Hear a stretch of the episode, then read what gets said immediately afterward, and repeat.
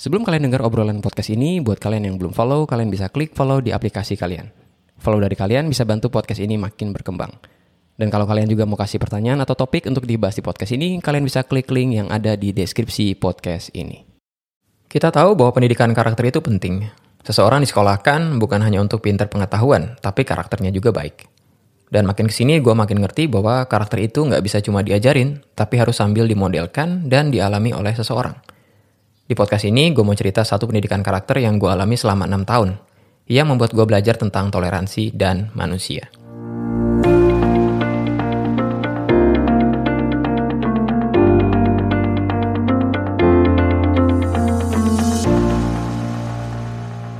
Halo semua, apa kabar kalian? Semoga kalian dalam keadaan sehat-sehat ya. Dan kalau ada yang sakit, semoga cepat pulih dan bisa beraktivitas kembali. Dan ini hari Rabu, artinya ada episode baru di Podcast Pak Kris. Dan buat kalian yang baru dengar podcast ini, podcast Pak Kris adalah podcast yang bahas tentang pendidikan, karir, produktivitas, dan pengembangan diri. Dan terima kasih buat kalian yang udah dengar podcast ini. Dan gue gak nyangka beberapa hari belakangan ini banyak yang bilang podcast ini bagus. Bisa jadi inspirasi dan beberapa orang juga nunggu-nunggu episode baru tiap Rabu. So thank you banget buat kalian yang udah denger dan share podcast ini. Nah ada satu hal baru nih di podcast Pak Kris ini. Sekarang ada tema bulanan ya. Jadi bulan lalu sejak akhir Januari dan sepanjang bulan Februari uh, di podcast ini dibahas tentang habit. Ada 5 episode. Kalian bisa dengar kalau yang belum dengar. Nah, di bulan Maret ini yang akan dibahas di podcast ini adalah kehidupan akademik atau tentang belajar. Nah, di episode pertama ini gue mau cerita tentang suatu masa di mana gue mengalami suatu pendidikan karakter dan karakter gue dibentuk selama 6 tahun. 6 tahun itu adalah masa SMP dan SMA di mana gue bersekolah di sekolah negeri. So, banyak di antara kalian yang tahu bahwa gue adalah seorang Kristen. Kelihatan dari nama gue ya. Nah, gue itu bersekolah TK dan SD di sekolah swasta Kristen. Namanya TK dan SD Andreas ketika itu. Kalau sekarang pakai nama yayasannya, yaitu TK dan SD Kristen BPK Penabur di kota Cimahi. Dan sampai sekarang sekolahnya pun masih ada. Nah, tentu saja di dua sekolah itu gue belajar dan dididik secara Kristen ada agenda harian tuh kayak doa pagi, terus ada ibadah mingguan, dan perayaan hari besar kayak Natal dan Paskah. Dan karena sekolahnya swasta dan biaya bulanannya pun relatif mahal, sekolahnya ini punya fasilitas yang relatif lebih baik dibandingkan sekolah negeri ya dalam hal ini. Dan yang paling terasa itu gue inget tahun 97 atau 98, waktu gue kelas 5 dan 6 itu gue inget ini adalah sekolah pertama di Cimahi yang punya fasilitas komputer yang pada zaman itu mungkin kalian tahu ya beberapa di antara kalian komputernya masih ukurannya gede. Nah, setelah lulus SD, orang tua gue menyekolahkan gue ke sekolah negeri, ke SMP Negeri 1 Cimahi dan SMA Negeri 2 Cimahi. Konon katanya dua sekolah itu adalah sekolah negeri yang terbaik untuk jenjang SMP dan SMA di kota Cimahi. Kenapa sih pindah sekolah dari sekolah swasta ke sekolah negeri? Alasannya sederhana ya, karena biaya uang pangkal dan bulanannya lebih murah sekolah negeri pada zaman itu murah banget. Sebagai gambaran ya, gue inget tiap bayar sekolah, itu orang tua gue bayar buat setahun full. Dan nominalnya setara dengan dua bulan biaya sekolah adik gue yang sekolahnya di sekolah, di sekolah swasta Kristen. Sebulan, eh sorry, dua bulan untuk satu tahun. Nah jadi kalian bisa bayangkan ya, ini sangat meringankan orang tua gue yang bayarin sekolah. Jadi itu latar belakangnya, kenapa gue kasih judul podcast ini dari SD swasta Kristen ke SMP dan SMA negeri.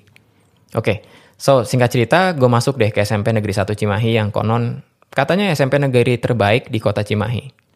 Dan memang bener sih, begitu waktu gue inget-inget pertama kali datang ke sekolahnya, dia punya passing grade yang paling tinggi sekota Cimahi kala itu. Sekarang juga kayaknya masih kayak gitu deh. Nah ketika gue masuk, gue menginjakan kaki pertama kali di sekolah itu, gue bisa ingat kesan pertama gue benar-benar merasa asing aja. Lingkungannya totally different dengan apa yang gue alami selama 7 tahun dari TK sampai SD. Mulai dari fasilitas yang sangat jauh berbeda dengan TK dan SD gue dulu. Kesan terhadap guru-gurunya, teman-teman gue sekelas, dan budayanya yang jujur aja gue merasa asing banget. Yang paling gue merasa asing adalah kebiasaan keagamaan mereka yang memang mayoritas muslim.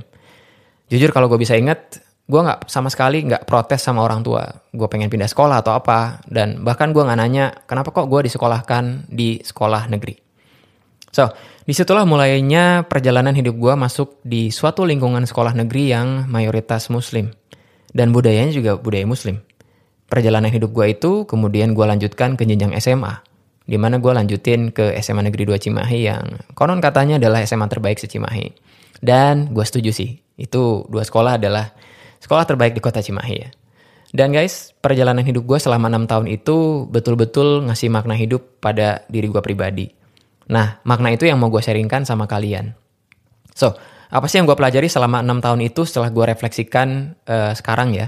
Dan ada tiga poin utama yang mau gue sharingkan sama kalian sambil gue nanti cerita beberapa pengalaman yang bikin makna itu betul-betul jadi mendalam dalam hati dan pikiran gue. Yang pertama, pengalaman 6 tahun di sekolah negeri di mana gue tujuh tahun ada di sekolah swasta dari TK sampai SD, itu ngajarin gue bahwa sekolah bukan cuma tempat belajar secara akademik, bukan cuma tempat bikin kita jadi pinter secara pengetahuan. Tapi sekolah itu adalah tempat belajar kehidupan. Bahkan menurut gue, sekolah konvensional atau tradisional itu kayak sekolah normal gitu kan. Bukan normal maksud gue ya, sekolah konvensional atau tradisional lah ya. Yang mungkin kalian nangkap maksudnya ya, di mana anaknya banyak, kemudian gurunya juga ya relatif banyak gitu kan dan sekolah yang ngikutin kurikulum yang negeri kita punya. Menurut gue sekolah-sekolah seperti itu konvensional dan tradisional itu kayak miniatur kehidupan. Kita tuh belajar hidup di sekolah yang seperti itu menyiapkan diri kita supaya kita bisa masuk dalam kehidupan yang sebenarnya. Nah kenapa sih bisa gue bilang kayak gitu ya karena selama enam tahun gue betul-betul diajarin gimana buat hidup berdampingan dengan orang lain yang punya perbedaan fundamental dengan gue. Dalam hal ini agama dan kepercayaan. Gue yang selama tujuh tahun di TK dan di SD mengalami dan hidup dalam budaya dan rutinitas Kristen, harus berpindah hidup ke budaya dan rutinitas yang secara muslim. Dan gue sangat bersyukur untuk transisi itu. Gue belajar berteman tanpa terlalu mikirin latar belakang mereka. Jadi gue berteman biasa aja. Dan buat kalian yang ngerti gue atau tahu gue atau kenal gue dari dulu sampai sekarang, teman gue tuh banyak dan gue diajarin di sekolah untuk berteman gak pilih-pilih. Dan itu betul-betul gue alami ketika gue bersekolah di sekolah negeri. Gue melihat bagaimana mereka dengan taatnya, ini teman-teman gue ya waktu gue SMP dan SMA, itu taat banget sholat lima waktu men. Sementara gue kala itu doa cuma makan dan tidur, itu pun kalau gue inget. Gue duduk dan ikut denger ketika pelajaran agama Islam. Dan ajarannya bagus. Makanya gue demen buat duduk dan gue gak keluar dari ya jarang sih keluar ya dari uh, kelas ketika pelajaran agama Islam. Terus gue juga inget waktu zaman puasa itu kan teman-teman gue pada ada pesantren kilat ya buat kalian yang juga pernah ngalamin sekolah di sekolah negeri. Jadi pada saat bulan puasa yang ya tentunya selama sebulan ya, uh, eh, 29 sampai 30 harian lah ya. Itu biasanya ada yang namanya pesantren kilat. Selama bulan puasa itu, ya nggak sebulan penuh, paling 2 sampai 2 mingguan lah kalau nggak salah ya. Lalu pada saat masa itu, pesantren kilat itu, beberapa teman dekat gue, habis pesantren kilat, yang obviously gue libur kan, gue di rumah. Itu main ke rumah gue. Mainnya main bola gitu kan. Main bola, main bola sepak. Sama main PlayStation. Karena waktu itu, ya gue adalah sedikit di antara teman-teman gue yang punya PlayStation 1 waktu itu ya. Dan gue makan siang itu biasa aja. Jadi kalau mereka pesantren kilat, pesantren kilat itu dari jam 7 sampai jam 11an siang lah ya. Terus mereka naik angkot, main ke rumah gue, Terus waktunya gue makan ya gue makan. Bahkan mama gue ya yang masakin sampai bilang sama teman-teman yang lain, ini Chris makan dulu ya. Gitu loh. Gue lagi makan, mereka sambil main PS atau sambil main bola. Dan jujur ya, gue merasa diperlakukan sama oleh teman-teman gue selama 6 tahun. Dan gue merasa gak dibedakan ya. Sampai ada event yang selalu gue tunggu-tunggu nih biasanya ya. Pada saat bulan puasa juga, tentu kalian tahu ya. Itu adalah buka puasa bersama. Dan gue selalu diundang buka puasa bersama itu biasanya ada event kelas atau event ekskul. Dan gue selalu diundang. Gue merasa gak dibedain gitu kan. Sampai ya gue diundang terus gue ngalamin buka puasa tuh kayak gimana sih. Makanannya dan sebagainya. Gue belajar kenapa harus dimulai dengan makanan yang manis dulu gitu kan. Dan seinget gue selama 6 tahun. Gue tuh gak pernah absen selama buka puasa bersama. Justru itu event yang gue tunggu-tunggu. Buka puasa bersama makanannya banyak, ngobrol sama teman-teman. So I felt so happy and accepted oleh teman-teman gue. Dan banyak di antara teman-teman gue itu sampai sekarang masih jadi ya masih keep in touch ya, masih jadi teman gitu kan. So buat kalian teman SMP dan SMA gue yang mungkin dengar podcast ini, thank you guys. Salah satu memori terindah gue adalah berteman dengan kalian. Oke, itu poin pertama ya tentang gimana kita bisa belajar hidup dalam suatu komunitas sekolah konvensional atau atau tradisional. Nah, hal yang kedua ya, masih nyambung dengan poin yang pertama tadi. Adalah gue mau bahas tentang sekolah tradisional atau konvensional istilahnya ya. Maksudnya di sini gue coba jelasin lagi ya. Maksudnya yang gue maksud dengan sekolah tradisional dan konvensional adalah sekolah yang anak-anaknya tuh banyak dan latar belakangnya tuh beda-beda. Somehow gue punya keyakinan ya bahwa sekolah tradisional dan konvensional ini memberikan suatu pengalaman pendidikan bagi seorang anak yang nggak bisa ditemui di sekolah yang sifatnya lebih private atau yang sifatnya lebih berbasis online. Yang rasanya makin sini, makin hari, makin marak gitu kan, makin banyak ya. Kita banyak melihat sekolah sekolah baru gitu kan dengan suatu kurikulum yang berbeda dengan uh, negeri Indonesia yang punya gitu. Lalu ada yang sifatnya online, kemudian juga ya jargon mereka adalah belajar di mana pun dan kapan pun, belajar dengan uh, kecepatan pribadi masing-masing, nggak disamain dengan yang lain gitu. Ya itu baik ya, gue nggak menyalahkan sekolah-sekolah seperti itu. Tapi menurut gue sekolah yang konvensional itu mungkin secara akademik kalah sama sekolah-sekolah yang kayak tadi tuh, lebih private, online, fasilitasnya bagus gitu kan.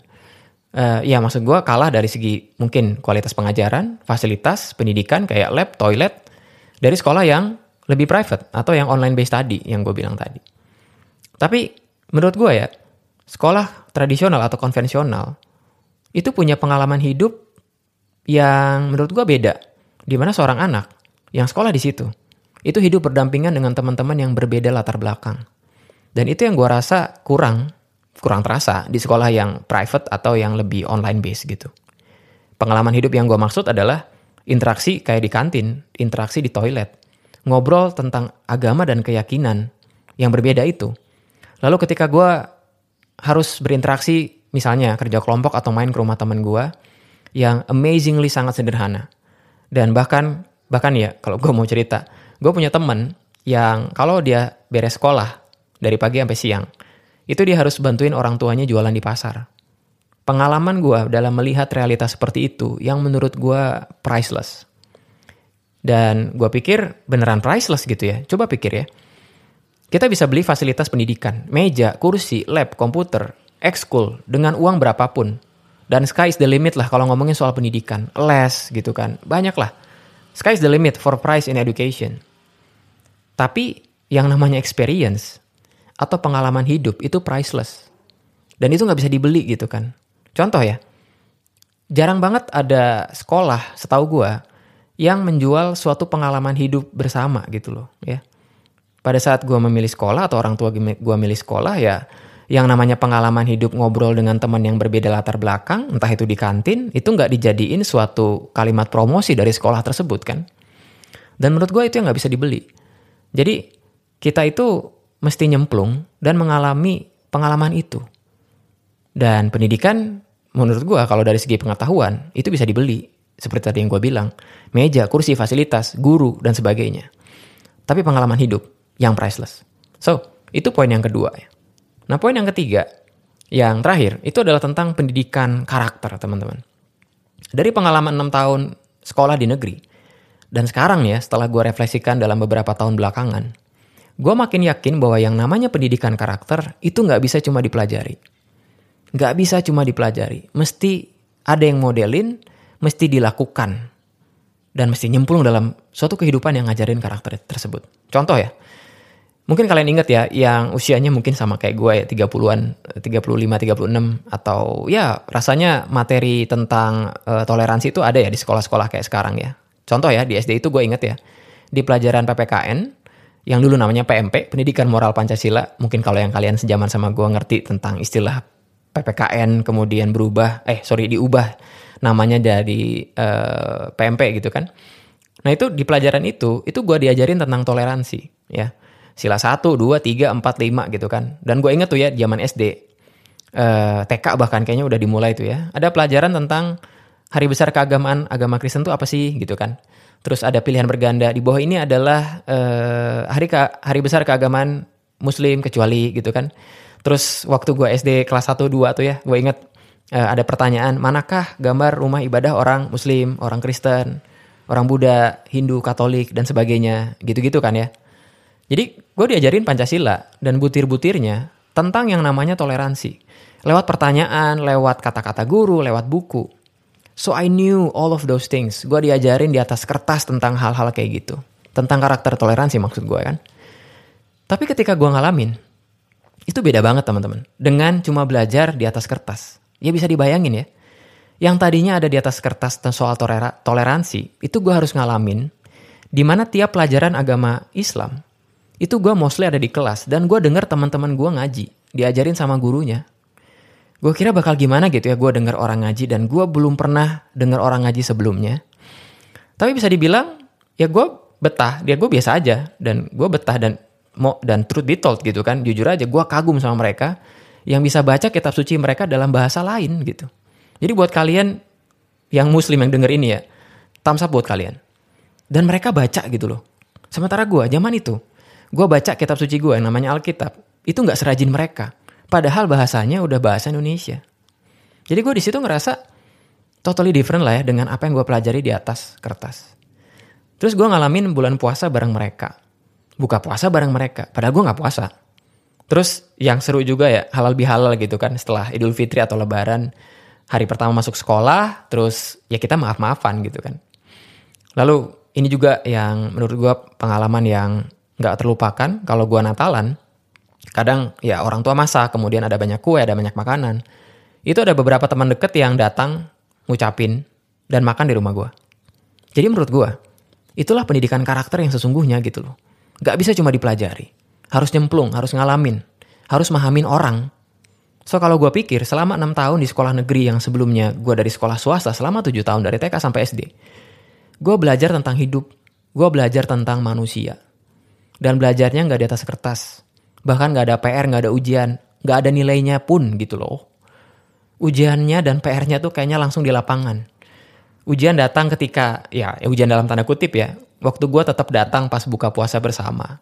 Waktu gue datang dengan perut yang nggak lapar-lapar amat gitu kan, kemudian gue ngobrol bareng mereka sambil makan. Waktu gue diam di kelas ketika mereka belajar agama. Dan gue pikir itu seperti ujian aja buat gue tapi gue bisa melewati itu dengan baik gitu kan dan jadi satu makna tersendiri bagi hidup gue ya gue pikir itu ujian ya di mana kenyamanan gue terusik dalam tanda kutip terusik ya dan gue nggak terlalu gimana gitu kan. Dan gue bisa menerimanya gitu loh perbedaan-perbedaan itu. So itu tiga pelajarannya teman-teman tentang pendidikan karakter khususnya. Jadi takeaway buat kita negeri kita ini luas sekali. Banyak suku banyak bahasa dan banyak agama. Belajar hidup dan belajar tentang manusia, itu harus dimulai ketika kita mau hidup berdampingan dalam suatu perbedaan. So thank you banget buat kalian yang mau dengar podcast ini. Semoga kalian bisa dapat maknanya yang gue bungkus dengan cerita dari seorang Kristen yang bersekolah selama 7 tahun di sekolah swasta, kemudian dia sekolah 6 tahun di sekolah negeri. Di minggu depan, kita akan belajar lagi tentang hal-hal yang berbau akademik, yang punya tema akademik, tentang belajar, dan ya, hal-hal kayak gitu ya. So, Take care dan God bless you. Bye-bye. Kalau kalian dapat value atau manfaat dari podcast ini dan ingin say thank you, kalian bisa support podcast ini dengan mentraktir Pak Kris dengan klik link yang ada di deskripsi podcast ini. Traktiran kalian akan sangat berarti untuk podcast ini tetap running dan bantu orang-orang untuk stay productive. I'll see you guys later dan stay productive.